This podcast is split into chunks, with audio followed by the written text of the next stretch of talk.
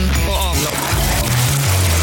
Denna podd ges ut av Huber Technology tillsammans med Sander och Ingeström. Ja, men hej och välkomna till Vattenpodden och det är dags för avsnitt 12 och idag sitter vi faktiskt live tillsammans här i posthuset i Stockholm. Välkommen Tobbe! Tack John, jättekul! Och vad gör vi i posthuset? Ja, vi har ju varit på vattenindustrins eh, fina seminarium idag. Det var jättekul. Ja, men Forum 2022 eh, samlades idag här i Stockholm. Det är ganska mycket folk från olika företag som är med i vattenindustrin, men också en hel del eh, slutkunder som har varit här och, och även eh, konsulter i branschen naturligtvis som också är en del av vattenindustrin. Så det har varit en otroligt spännande dag. Vad, Tobbe, vad är din sån här första reflektion eh, över, över den här dagen? Nej, men jag, jag, jag, tycker på något sätt, jag har ju varit med i vattenindustrin länge och även sedan den tiden vi kallas för Varim då, och liksom vilken skillnad det var på innehållet och kontexten i vårt möte, vilka föredragshållare vi hade, hur, hur vi liksom har närmat oss på något sätt något samarbete i branschen som jag, som jag saknade på den tiden vi var Varim när vi mest faktiskt, om vi ska vara ärliga, liksom satt och,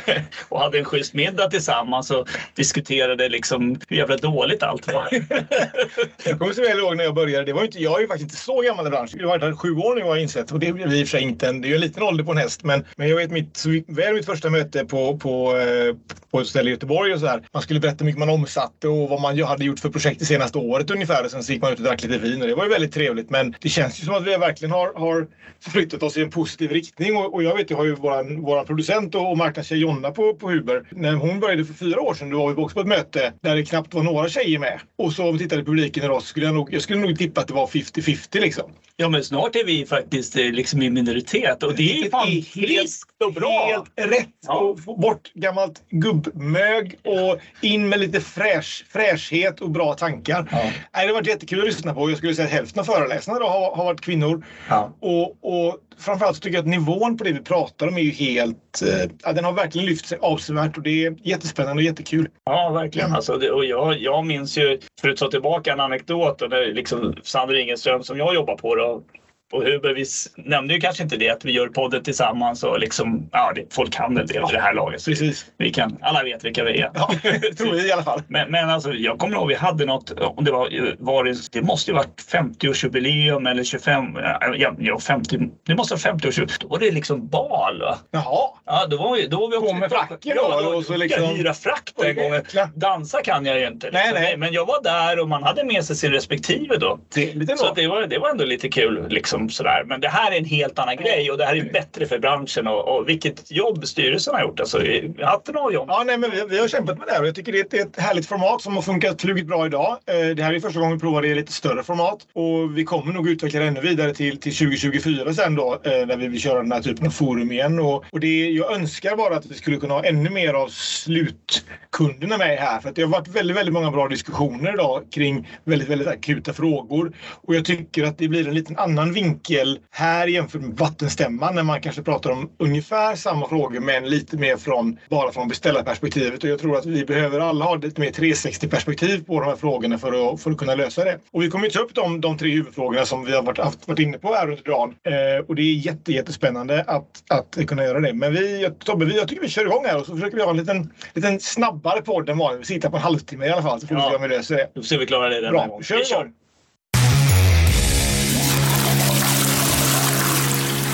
Ja, men den här dagen har ju innehållit tre huvudspår egentligen. Då, där, där det ena har varit från, från budgetbeslut till rent vatten. Det andra är smarta steg till klimatneutralitet och det tredje har varit då snubbeltråd till vattenindustrin. Eh, och jag tänker vi, vi kan väl ta dem del för del, bara liksom kort summera vad, vad snackades det om och, och några reflektioner på, på ämnet helt enkelt. Ja. Och om vi börjar med, med investeringsbehovet så, så, så är det ju eller det var ju 480 miljoner som nu har blivit 500 miljoner med lite inflation på. Och jag tog med mig någonstans att med de nya kraven från avloppsdirektivet som damp ner bara här om veckan från EU så var det nog ännu mer än så.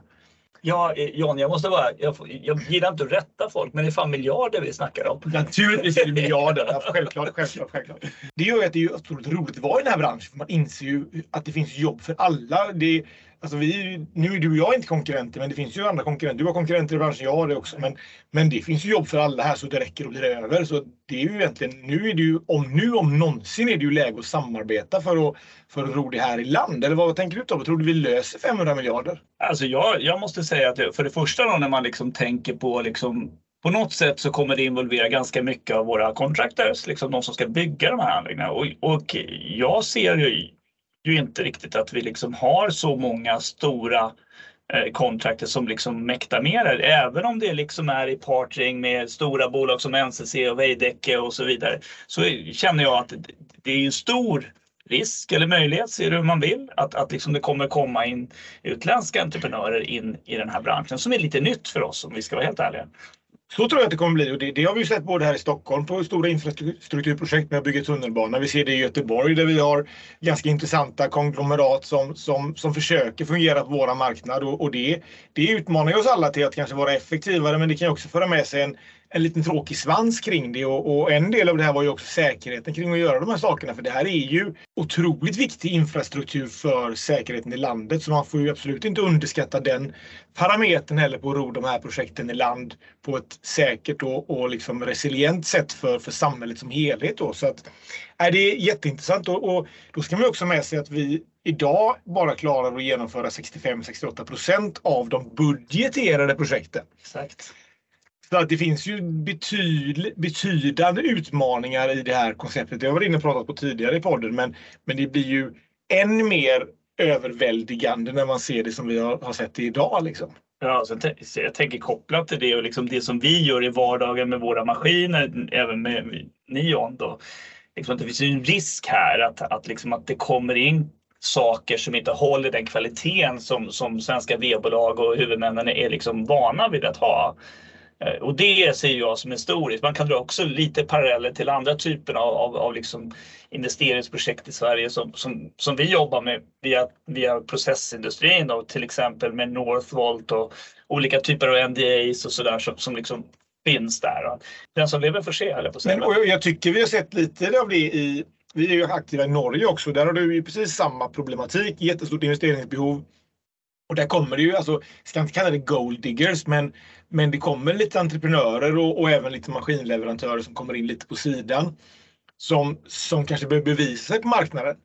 Och det är klart att har du ingen, alltså är man van vid att det finns en serviceorganisation, att det finns en lokal kompetens och där du har Nordanstigs kommun som kan ringa till dig Tobbe och prata på, på, på norrländska och stockholmska. Men ni förstår varandra helt okej okay ändå. Men det kan ju komma utmaningar när du kanske har en leverantör som har ursprung annanstans ifrån som där liksom hela industrin måste steppa upp. För jag, jag tror precis som dig att det kommer bli en realitet. Ja. Och, och där blir det jätteintressant. Och, och det viktiga där då blir hur, hur utformar man upphandlingarna så man får det man vill ha. Exakt vad jag tänker och liksom den där kravställandet och också uppföljande av det som levereras. Då. För risken är att man får bygga det här två gånger istället och då räcker ju inte 500 miljarder. Då.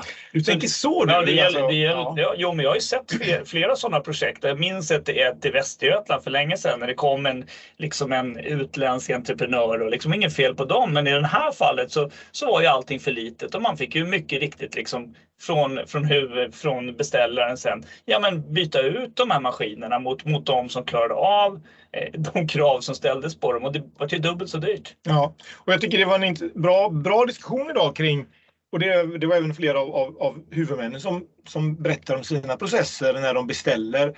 Och just det här, jag kan ibland uppleva att det finns en liten eh, rädsla att prata med leverantörer. Jag kan uppfatta att vi som, som rena leverantörer behandlas lite annorlunda gentemot konsulterna som också är leverantörer. De levererar timmar och kompetens. Vi levererar kompetens och maskiner. Men det finns en liten skillnad i hur huvudmännen hanterar de här två skråna, vilket jag förstår till fullo. Men också det blir lite utmanande där och, och det gäller att någonstans att man förstår att det är helt okej okay att prata under förprojekten. Där kan vi tillsammans och parallellt med konsulterna jobba ihop en kravspec som gör att man får det man vill ha. Ja. Och, och, det var många intressanta frågor som dök upp här om, om fastpris till exempel. Och nu då i, den, i en, alltså när, du kan, när vi vågar lämna offerter som gäller en vecka eller en dag i sämsta fall om du pratar elektronikkomponenter. Och så kommer du få en upphandling på ett fastpris på, på 6 till 9 månader som, som Henrik mycket riktigt beskriver. Det blir ju en viss konflikt i det där. Ja, du måste ju ta och kalkylera en riskpeng då som, som du liksom kan och det borde ju ändå innebära att projektet i sig blir dyrare än om man hade någon typ av överenskommelse när det gäller index eller motsvarande. Liksom. Precis, och, och, och, och det, det, tycker jag ändå att, att, att hon som var från Linköping som berättade om hur de jobbar med sina projekt tycker jag var väldigt, väldigt bra. För att där berättar hon att liksom, ja, men då, då hade vi ett antal krav som, som när jag såg på dem lite utifrån kunde ifrågasätta och när jag frågade internt så var det att då får vi en förutsägbarhet. Och det är väl okej okay när vi haft en marknad som har varit förutsägbar med en 2 i höjning varje årsskifte de senaste 15 åren. Ja. Det är ju ish den världen vi har levt i. Men nu är vi inte längre i den världen och då måste vi alla tillsammans ställa om för att klara utmaningen och klara att leverera projekten. Och jag tycker mig se en vilja att göra det och jag önskar att ännu fler kan jobba på det sättet att vi kan sitta ner tillsammans och diskutera vad är det som ni vill ha levererat och hur kan vi leverera det på bästa sätt utan att skicka risk mellan varandra. Mm. Och jag, jag, tror också att det där är en del av åtminstone för våra typ av bolag som liknar Sander och Ingeström då, när man liksom är distributörer då distribuerar vidare saker. Det är klart att en prishöjning från vår leverantör, den för vi alltid över. Eh, men det som vi har svårt att ta betalt för, det är det som är verkligen vårt hjärta. För det är ju vi som designar, väljer utrustningen åt våra kunder. Men att våra hotellkostnader har blivit dyrare och att våra tjänstebilsresor blev dyrare. Det vågar inte vi riktigt ta betalt för. Så vad händer? Jo, men vi minskar ju våra marginal och då kan vi investera ändå mindre i nya människor och utbilda vår personal och så vidare. Så viktigt, viktigt att våga liksom stå för att vi bidrar någonting till, till de här anläggningarna. Och det var ju också en intressant diskussion som jag är väldigt glad att den kom upp idag med de här leveransvillkoren. För att någonstans i VA-branschen så, så används ABT eller AB ofta. Eh, och ABT är väl kanske lite osäkrare ABn för där finns det nog möjlighet att kunna ta sig vidare någonstans ifall det dyker upp oförutsedda saker som mobiliteten kanske mer kan diskutera om de var inkluderade i projekteringen eller inte.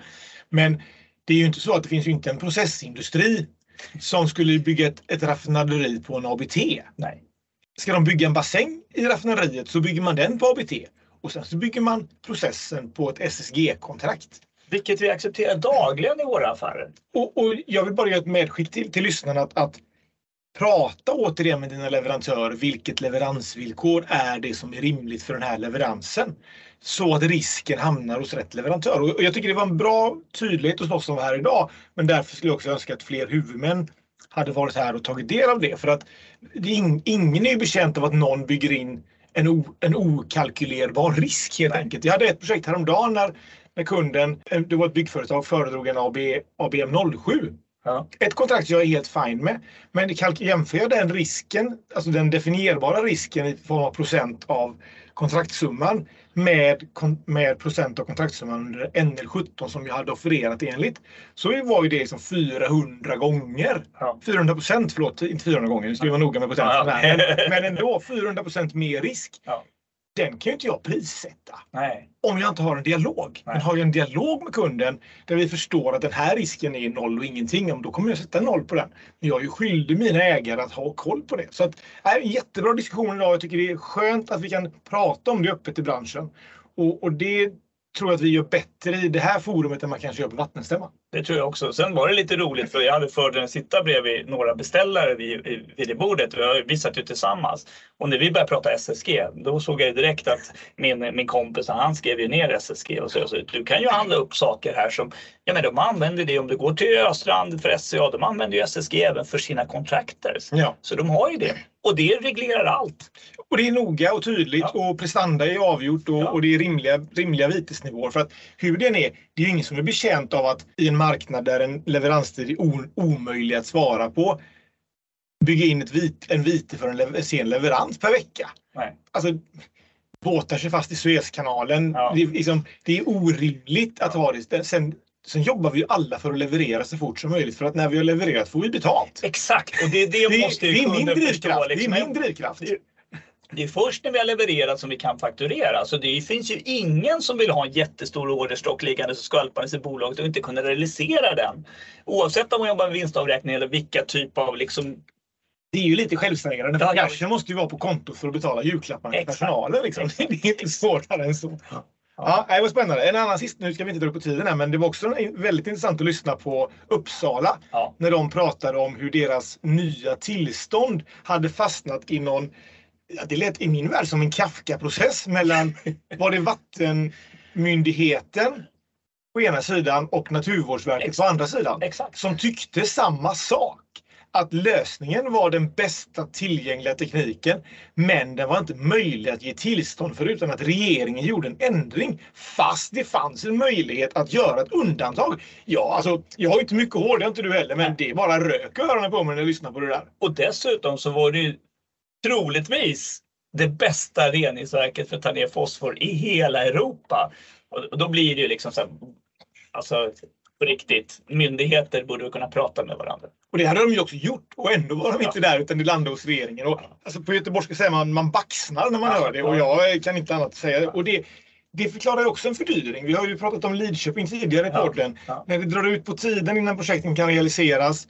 Och, och det kostar ju bara pengar. För att klart mellan 2018 när de skulle realiserat det och 2022 så har vi ju 30 prisökning i, mar- i marknaden. Och sen också de här interna kostnaderna som bolagen som sitter och biddar på det här för tionde gången och räknar om det för tionde gången. Nej, nedlagt projekt och någonstans får någon betala det där. Någonstans kommer det. Och de som betalar, det är ju då abonnenterna. Det är du och jag Ja, och alla jag. ni som lyssnar. För vi har vårt vatten inkopplat. Och det var också en reflektion som Per, per Dahlheim från Svenskt Vatten visade då. Som jag, jag sett den innan och jag blir lika fascinerad varje gång. Att någon av Stockholmsförorterna så betalar man 3800 kronor. Solna var det. Solna. Natur AIKs. Ja, AIKs ja, ja. Fritt vatten där, dricker mycket vatten där. Mm. Där betalar man 3800 kronor ish för sitt vatten. Och i på Tjörn, Tjörn var det. En ganska fin ö utanför Göteborg, där betalar man 16 000 för samma, samma tjänst. Per hushåll då. Per hushåll. Ja. Det, är- det är ju en, det är ju en gånger fyra. Nej, men jag funderar om man hade samma typ av, av system för liksom att eh, söka upp en vårdcentral om man behöver medicin. Det hade ju varit revolt i Sverige. Ingen hade ju accepterat Det är det. lite som elpriset då man har mellan zon 1 Ja. och zon 4. Där har vi nästan samma effekter nu. Och där, är ju, där börjar det verkligen koka Ja. i vissa delar av Sverige. Och till och med så drabbar ju den typen av vissa processindustrier som kanske inte ens har råd att producera på grund av de här skenande Men elpriserna. ba, bagarna i Skåne har ju stängt ju. Liksom. Ja, ja, visst. Ja, intressant. Nej, men, men som sagt, alltså, hur ska vi kunna realisera det, uppnämnda investeringsbehovet? Minst 500 miljarder. Ja, det blir eh, it's a challenge. Men eh, det är ju därför den här branschen är så skoj. Ja, precis. Och, och jag menar, jag tror också att man kan i det här så med rätt typ av liksom samarbetsprojekt och med rätt typ av rådgivning och med rätt typ av kravställning så kommer det bli bra anläggningar. Det är jag övertygad om. Och alltså, kompetensen finns här. Och kan vi bara vara duktiga på att prata med varann i rätt fas så kommer vi kunna lösa det här till stor del i alla fall. Ja, ja men vi ska ta vidare John. Det gör vi. Ja. Vi tar nästa del.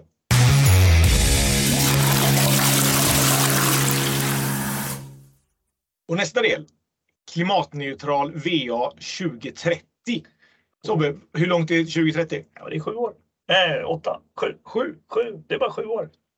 Jag, det, jag, nu, jag vill inte kritisera, men jag, jag tycker det var lite luddigt där och jag har vissa liksom, synpunkter på det här med klimatneutralt. Därför att jag vet inte om du minns när SJ liksom förklarade att det var så jäkla bra att ta tåget ner till Göteborg. Liksom. För, för de var så mycket grönare och det är man ju naturligtvis på ett sätt än vad, än vad flyget var. Så började man räkna på det där. Och sen tog man inte reda på varifrån kom elen. Och det var lite min reflektion idag. Man pratar om klimatneutralt VA, men, men de stora förbrukarna på ett reningsverk, blåsmaskiner och så vidare. Hur vet vi vad som kom in i sladden? Så jag tycker det här är ett vidare begrepp egentligen än bara titta på sin egen näring. Det här hänger ihop med hela energipolitiken i Sverige. Så det är min första reflektion. Liksom, att det, Ja, men det är det, verkligen. Och det som jag tycker var intressant, och det var den frågan som, som blev ställd från publiken också. Var är de stora potentialerna? Eh, och då kommer man fram till, jo men det är ju naturligtvis metanavgången och koldioxidavgången från processen. Det är ju där du har en stor påverkan. Sen energin som du säger. Och, och i Kungsbacka till exempel som presenterade hur de jobbade så var det att 20% av kommunens energiinköp gick till VA- VA-sidan där mesta delen går på avloppssidan. Ja. Pumpar, Tobbe du gillar energisnåla pumpar. ja, Vi har blåsmaskiner i reningsverken. Ja. Och sen har du hela den här emissionen av, alltså emissionen av metan, alltså av växthusgas ska vi säga för att vara noga, Ja. från processerna. Och då är det klart, då kan man ju dokumentera och se vad det är. Och där måste jag ändå ge hatten av Svenskt Vatten som har tagits fram. Vi har ett verktyg vi kommer kunna titta i, i när vi väl får tillgång till när det. tillgång För till att det. kunna liksom se var det är det som potentialerna finns. Och, och det var ju också en reflektion från, från Kungsbacka och jag tycker hon gjorde ett fantastiskt inlägg där, där de, där de då, Irene nu, för att rädda sina driftskostnader, de facto bestämmer sig för att rena vattnet lite sämre. Eller good enough. Ja, men good, good enough Ja. till tillstånd. Ja. De har en kapacitet att rena det bättre, men man väljer att backa tillbaka lite för att få ner energikostnader och för att få ner insatsmedelkostnader, vilket är jätteintressant och fullt rimligt. Men det intressanta på det är att i andra ändan så kommer det ökade regleringar på vattenrening. Du har Weserdomen där du inte får lov att släppa ut mer även om det blir fler. Det var det som Uppsalas problematik var någonstans. Och då får du på ena sidan, du ska ha ner din klimat, klimateffekten av ditt reningsverk och din process. Vilket i sin tur gör att du kommer börja smutsa ner vattnet mer. Ja. Och, och, då, och då, blir det så här, då blir det lite håll i huvudet på mig. För vi är teknik, vi levererar och, och alla vill ha bra teknik för att rena vårt vatten för våra barn så att våra sjöar och hav ska vara så bra. Och det regleras enligt en lagstiftning. Helt okej. Ja. Men det är klart att alla sätter ju en pride, en stolthet i att kunna göra det bättre och rena det så bra som möjligt. Och att det ska löna sig. Men nu blir det ju någon form av motsatseffekt. Att för att minska klimatavtrycket, ja, det blir liksom lite, det- det, det, brinner lite igen i hjärnan. Korsfärg. Jag tänker Ja. så här, det är som att vi då skulle liksom, nej men vi bygger ett reningsverk ihop med våra maskiner. Och så sitter du och jag och snackar och så säger jag så här, nej men du vet jag har en bättre pumpar som hade dragit eh, liksom mindre energi, den hade hållit längre och sådär. Men nej, det här är good enough. Och, och så vill inte jag jobba, utan jag säger så det här är den med bakgrund av dina behov och vad du har för önskemål. Det här är den bästa lösningen på grund av det, det och det.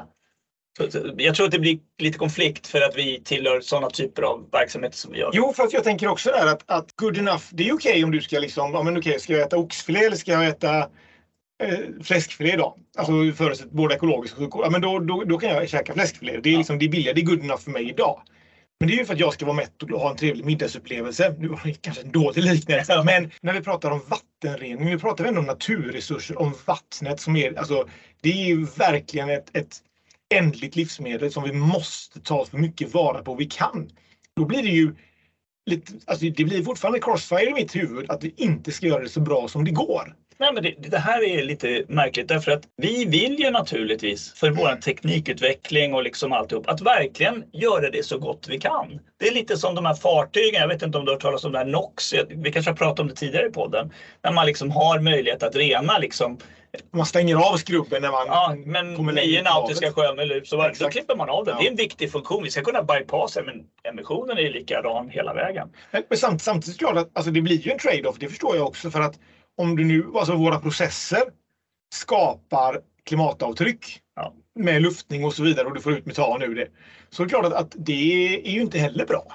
Nej. Så att det här blir det ju, och det blir, en- det, jag tycker det blir en intressant ny dimension på hur vi tänker i våran bransch. Som jag måste tänka mer på innan jag kan landa i hur vi ska, tänk, hur, vi ska jobba med det här. Men, men eh, det blir en väldigt, väldigt intressant trade-off. Och det var väl en, ett av syftena kanske. Så det var väl en bra att man fick den tankeställaren. Liksom.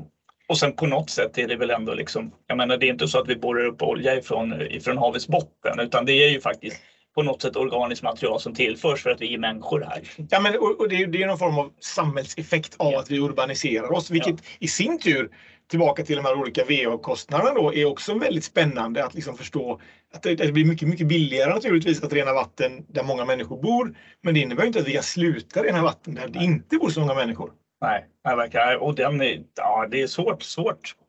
Nej men eh, jag tror vi fastnar i det här om inte vi eh, hoppar vidare faktiskt. Ja, men det gör vi. Vi kör. Vi går vidare. Ja Tobbe, eh, brinner huvudet på oss? Inte så mycket hår kvar på huvudena och, eh, och ni som vet hur vi ser ut, ni, ni förstår ju att det blir ännu mindre än vad det var innan då.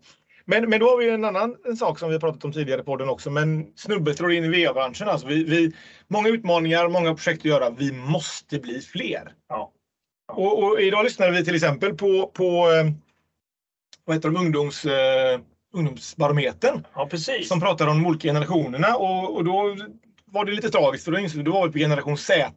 Ja. Och det som första som jag tog med mig är varför heter det generation Z då? Men Z är ju sista bokstaven i det engelska alfabetet. Så det är den sista generationen. Det låter ju, det är ju lite så här utopia på något sätt. Liksom. Vi är ju ingen utopia-podd. Jag tror faktiskt Nej. att det, det kommer fortsätta. Det kommer komma nya. Generation alfa kommer efter Ja, generation Z. jajamensan. det, är- det är trender. Men det intressanta är någonstans att det här kanske är den första generationen som kommer få det sämre än generationen innan. Och de inser det. Men de inser också att det finns någon form av möjlighet i det i att kanske leva lite annorlunda, sträva efter andra saker. Jag tror även att de är lite mer trygghetsknarkande. De, de gillar lite mer familj. Det var inte, ut och resa var inte lika viktigt som det kanske var för dig och mig. Alltså jag vet inte om du är skrivbammare, men vad man nu gjorde liksom. Det finns en annan, lite mer down to earth eh, grej tolkade jag det som, vilket jag tycker är jätteintressant här. Och, och, och vi behöver ju verkligen hitta sätt att fylla på med kompetens i vår bransch som vi var inne på. Jag tror också att det är viktigt att vi som, jag menar nu tillhör ju vi lite liksom äldre generation då liksom, så att, att vi också förstår dem och förstår, det ser man ju redan idag i, på sin arbetsplats att, att det är viktigt att liksom lyssna och ta in och förstå och, och tänka in sig i deras sätt att fundera och tänka för att kunna utveckla sina bolag. Så att, typ, ja, det, vi har mycket att lära där. Han var väldigt intressant tycker jag. Ja, men det var det inne på tidigare, men, men just den här liksom, hur många det är som sitter med 20-30 års erfarenhet som ska ersättas med människor som har jobbat fem år i branschen. Det är en jätteparadox som vi jobbar med hela tiden. Och jag faktiskt måste säga att jag är glad. Vi har verkligen kommit igång. Det gick upp för mig kanske för ett halvår sedan att det är så. Även om jag har förstått det så, så som jag förstår saker så har jag liksom inte gjort något åt det. Men nu har vi två praktikanter faktiskt på varsin avdelning hos oss som går på KY-utbildningar som vi har fått tag i och som kommit in hos oss och trivs jättebra. Och båda är supersugna på att jobba i branschen. Och det, då får jag lite så här varm mjölk i magen och tycker att det känns som vi gjort en bra insats. Och vi ska också köra ett exjobb nu eh, tillsammans med Chalmers här till, till våren som också är ett sätt att få in folk i branschen. För vi måste verkligen fylla på med kompetens. Liksom. Och landar de inte hos oss så får du skicka över dem till dig Tobbe. Så får du stoppa in dem någonstans där du kan ha nytta av dem. Ja, vi kommer behöva det. Sen, sen fick jag lite, vi hade jobbsprånget där också. Som, Just det. Som jag, där kände jag lite hjärtat. Alltså, nu, nu har man rätt att tycka vad man vill, alltså, men att det finns människor i det här landet som har sökt 200 jobb de har sökt 200 jobb. 200 alltså? Ja, 200. Ja. Och de har en, en akademisk utbildning och haft yrkeserfarenhet av det i andra länder. Och att vi inte kan ta vara på de här resurserna i det här. Det får mig skämmas faktiskt. Ja, men jag, jag, känner samma sak. Alltså, och där sitter vi ju eh, medelålders vita män ja. och, och, är en stor del av problemet. Ja. Men, men, och det kommer tillbaka till, för jag reflekterar över det själv. Varför har vi inte landat i det? Jo, men kunderna är lite känsliga för språket, ursäktar man sig med. Ja, ja men kom igen, de går ju, de går ju på O'Learys och där träffar de ju motsvarande människor som pratar engelska med dem. Det är säkert någon som gnäller att jag kan inte prata svenska när jag beställer hamburgare längre. Men kom igen, vi lever 2022. Världen ser inte ut som den gjorde 1990. Ja, och när vi åker på våra fabriksvisningar nere i Tyskland, ja, då pratar alla engelska plötsligt. Då är det roligt för då är vi där. Så att någon, någon får man... Jag tror att vi får säga skärpning. Ja, ja på riktigt. Jag, jag känner, jag ska faktiskt prata med, med min VD när jag kommer hem för det här är ju lite pinsamt faktiskt. Men jag tycker faktiskt att jobbsprånget gjorde det väldigt, väldigt bra. Nu ska man inte svära på det, men, ja. men det kändes som ett bra koncept och nej, riktigt bra ordnat. Jag blev verkligen intresserad och sugen på att, att se vad det kan ge och, och, skapa lite praktikplatser där. Om inte annat så, även om de inte blir anställda hos oss, så kan man i vart fall ge dem en språngbräda vidare in i branschen liksom, och det behövs ju. Liksom. Ja, och sen tänker jag liksom att mycket av det vi gör handlar om försäljning liksom, och relationer till människor och sådär. Och det är klart att i det fallet så, så har man väl kanske vissa utmaningar. Men det finns ju många andra arbetsuppgifter för ett bolag som är att prata med våra leverantörer, säkerställa att den tekniska specifikationen är rätt. Det måste finnas plats. Men det är klart att det gör och jag tror att det handlar om att tänka till. Och nu såg vi något, jag bara såg att den flög förbi där men den här någon form av vattentrainee som Svenskt Vatten hade initierat och det här vet jag att jag har lyft upp i gamla Varim. Jag skulle ha en Varim-trainee. Ja. Där någon av konsulterna skulle kunna, för de kanske har lättast att ha människor i sin, de, de är duktiga på att ta in och ut människor i sina organisationer. Eftersom de jobbar med timmar och människor. Vi är inte, kanske inte men att kunna göra en sån där du kan jobba på konsultbolag en termin, du kan jobba på kommuner en termin, du kan jobba hos en leverantör en termin och du kan jobba eh, eller någon tredje instans. Liksom, att man kan gå runt i branschen för att prova vad man trivs bäst och få olika erfarenhet. Jag skulle tycka det var jätteintressant att ha människor med erfarenhet från kommunen till exempel hos, i min organisation. Ja. Och, och, och, och, så inser man också att man trivs på olika ställen. Liksom. Ja. Det, det tycker jag skulle vara en väldigt, väldigt cool grej. Ja. Vad tog vi med oss mer från diskussionen kring, kring, kring, eh, kring ungdomar? Då? Men, någonstans, alltså att föräldrar och vänner är stora påverkare. Ja, det tyckte jag var intressant också. Att, att, man kan ändå jobba genom den generationen som vi kanske har kontakt med på något sätt. Jag tänker att mina barn är inte känner igen sig i den där bilden. För om jag skulle säga att de kom till vattenindustrin, här finns det mycket jobb. Men vi ska aldrig leva det livet du har gjort pappa. Men Tobbe, du lever ju kanske ett annat, ett annat liv än så många andra gör, tänker jag. Man behöver ju inte köra hela tiden. Nej, nej det är sant. Alltså. Det är sant. Nej, men jag, det, det tycker jag var intressant. Och sen just det här med, jag menar, om man relaterar stort också till liksom det här med droger, alltså alkohol till exempel, det var inte av intresse för dem. Jag, jag minns när jag gick i åttan, det var det enda jag tänkte på. när blir det fredag? Så man har ju ändå på något sätt, eh, ja men, det finns ju hopp för framtiden. Det är det jag menar, liksom. det känns bra. Andra sidan på Utopia, alltså jag tänker att, att den yngre generationen är betydligt mer ansvarstagande än du och jag var. Ja, ja, absolut. Och det är också varm mjölk i magen. Liksom. Ja. Och sen tycker jag den sista reflektionen som vi kan ta med oss det här var också att Tittar man på vår industri, vattenindustrin, så är den väldigt, väldigt bred. Den innehåller teknik, den innehåller kemi, den innehåller ekonomi, ganska intressanta ekonomiska upplägg för att finansiera de sakerna vi jobbar med. Det finns juridik i form av alla kontrakten. Vi har management, sånt som kanske du och jag jobbar med, leda människor, leda organisationer. Vi har konstruktion, vi har miljö och LCA, vi har försäljning, vi har bygg och anläggning. Alltså, inom vattenindustrin kan du jobba med vad som helst skulle jag säga. Och jag skulle säga att den ena dagen är inte lik den andra heller. Så därför är det ett varierat arbete. Och det spelar ju tillbaka på de här ungdomarna och en, en, reflektion som fanns. Att, att de vill ju inte ha ett jobb som är liksom stå vid en maskin och göra samma moment hela tiden. Så kanske det kan passa oss faktiskt. Jag tänker det. Och, och då tror jag slutklämmen på det här var ni måste synas och berätta vad ni gör. Och det ska vi absolut göra. Och jag tror att vattenindustrin om vi då jämför tillbaka till gubbvarim, om vi kallar det det för, för sex år sedan till vad vattenindustrin är nu, så har vi gjort en jäkla resa, en väldigt trevlig resa och den ska vi fortsätta göra. Så det känns väldigt, väldigt inspirerande att vara en del av den. Ja, nej, men bra då Tobbe, ska vi, ska vi försöka sy ihop podden? Ja, nej, men det tycker jag vi ska göra och sen så eh, jag tycker också att vi, jag måste få snacka om min förra vecka. Lite kort bara. Ja, det gör vi alldeles, alldeles strax. Ja, ja. Ja men Tobbe, vad hände förra veckan då? men alltså jag, jag var i Hamburg förra veckan. Och där körde jag men, Vill jag veta, vill jag veta mer? Ja, ja, ja absolut. Okay. Det, är absolut. Det, är det här är totalt rumsligt. Ja, eh, och då eh, eh, körde vi en, en eh, alltså ett reformatest på en, en rätt stor doseringspump. Då. Och jag hade ju varit med i försäljningen så jag visste ju att det, måste, det var två stora. Men när jag såg den här stridsvagnen, alltså det var det, det var det största jag sett överhuvudtaget.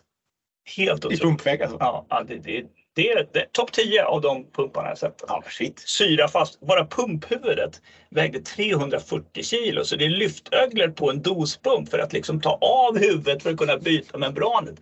160 till 185 bar i tryck. Det var, det var mäktigt alltså. Lite pumpporr nästan eller? Alltså det var så sexigt så att du anar inte hur häftigt det var. Du är en sjuk människa Tobbe. Jag ville klappa den och... Ja, men du stod och höll lite på den ja, sådär. jag ja. kramade den lite och så tänkte jag hoppas jag får se dig live nere på, hos min kund i Lysekil. Ja. Och, och dessutom så var det så kul för den, den håller ju på att förändra till diesel då, den nya typen av biodiesel som kommer. Ja, ja, Så det är en del i utvecklingen också mot less CO2 och, och liksom den här kunden, de har ju som strategi att de måste ta ner andelen liksom eh, fossila, fossila delar i sin produktion. Annars har de inget liv. Nej. Så det har de fattat. Och du är en del av deras framtida överlevnad med din pump alltså? Ja, så fint är det faktiskt. Fint Tobbe, ja. fint. Nej, och, och alltså jag tycker Vatten 2023 också måste vi ändå säga. Nu kommer det ju komma en väldigt, väldigt cool mötesplats nästa år i Göteborg, min hemstad. Jag bjuder alla dit. Det kommer bli fantastiskt roligt. Eh, och det blir en ny spännande mötesplats med, med många intressanta ämnen och, och dimensioner i som jag tror vi kommer trivas jätte, jättebra i. Ja, och jag tror att det där är ett helt poddavsnitt vad vi ska göra där nere minst, naturligtvis. Men minst lite teasers ändå. Göteborg är ju en schysst mässstad. Eh, det är många utställare som är intresserade och det är snart. Det är snart vi är där. Ja, verkligen. Det går fort och ännu snarare är det jul. Och vi får se om vi får ihop ett poddavsnitt till innan jul. Eh, det beror lite på hur kalendrarna ser ut här, men, men det tar vi på, på uppstuds. Men om vi inte får det så kan vi väl önska en prematur eh, god jul i alla fall till våra kära lyssnare. Och så får ni se, ett, kan det bli ett julklappsavsnitt om, eh, om kalendern tillåter. Ja, men så gör vi. Och så god jul på er och ta god hand jul. om er. Ja, verkligen. Och ta det försiktigt där ute. Tack, tack. Tack. Vattenpodden. Skitsnack om vatten och avlopp. Denna podd ges ut av Huber Technology tillsammans med Sander och Ingeström.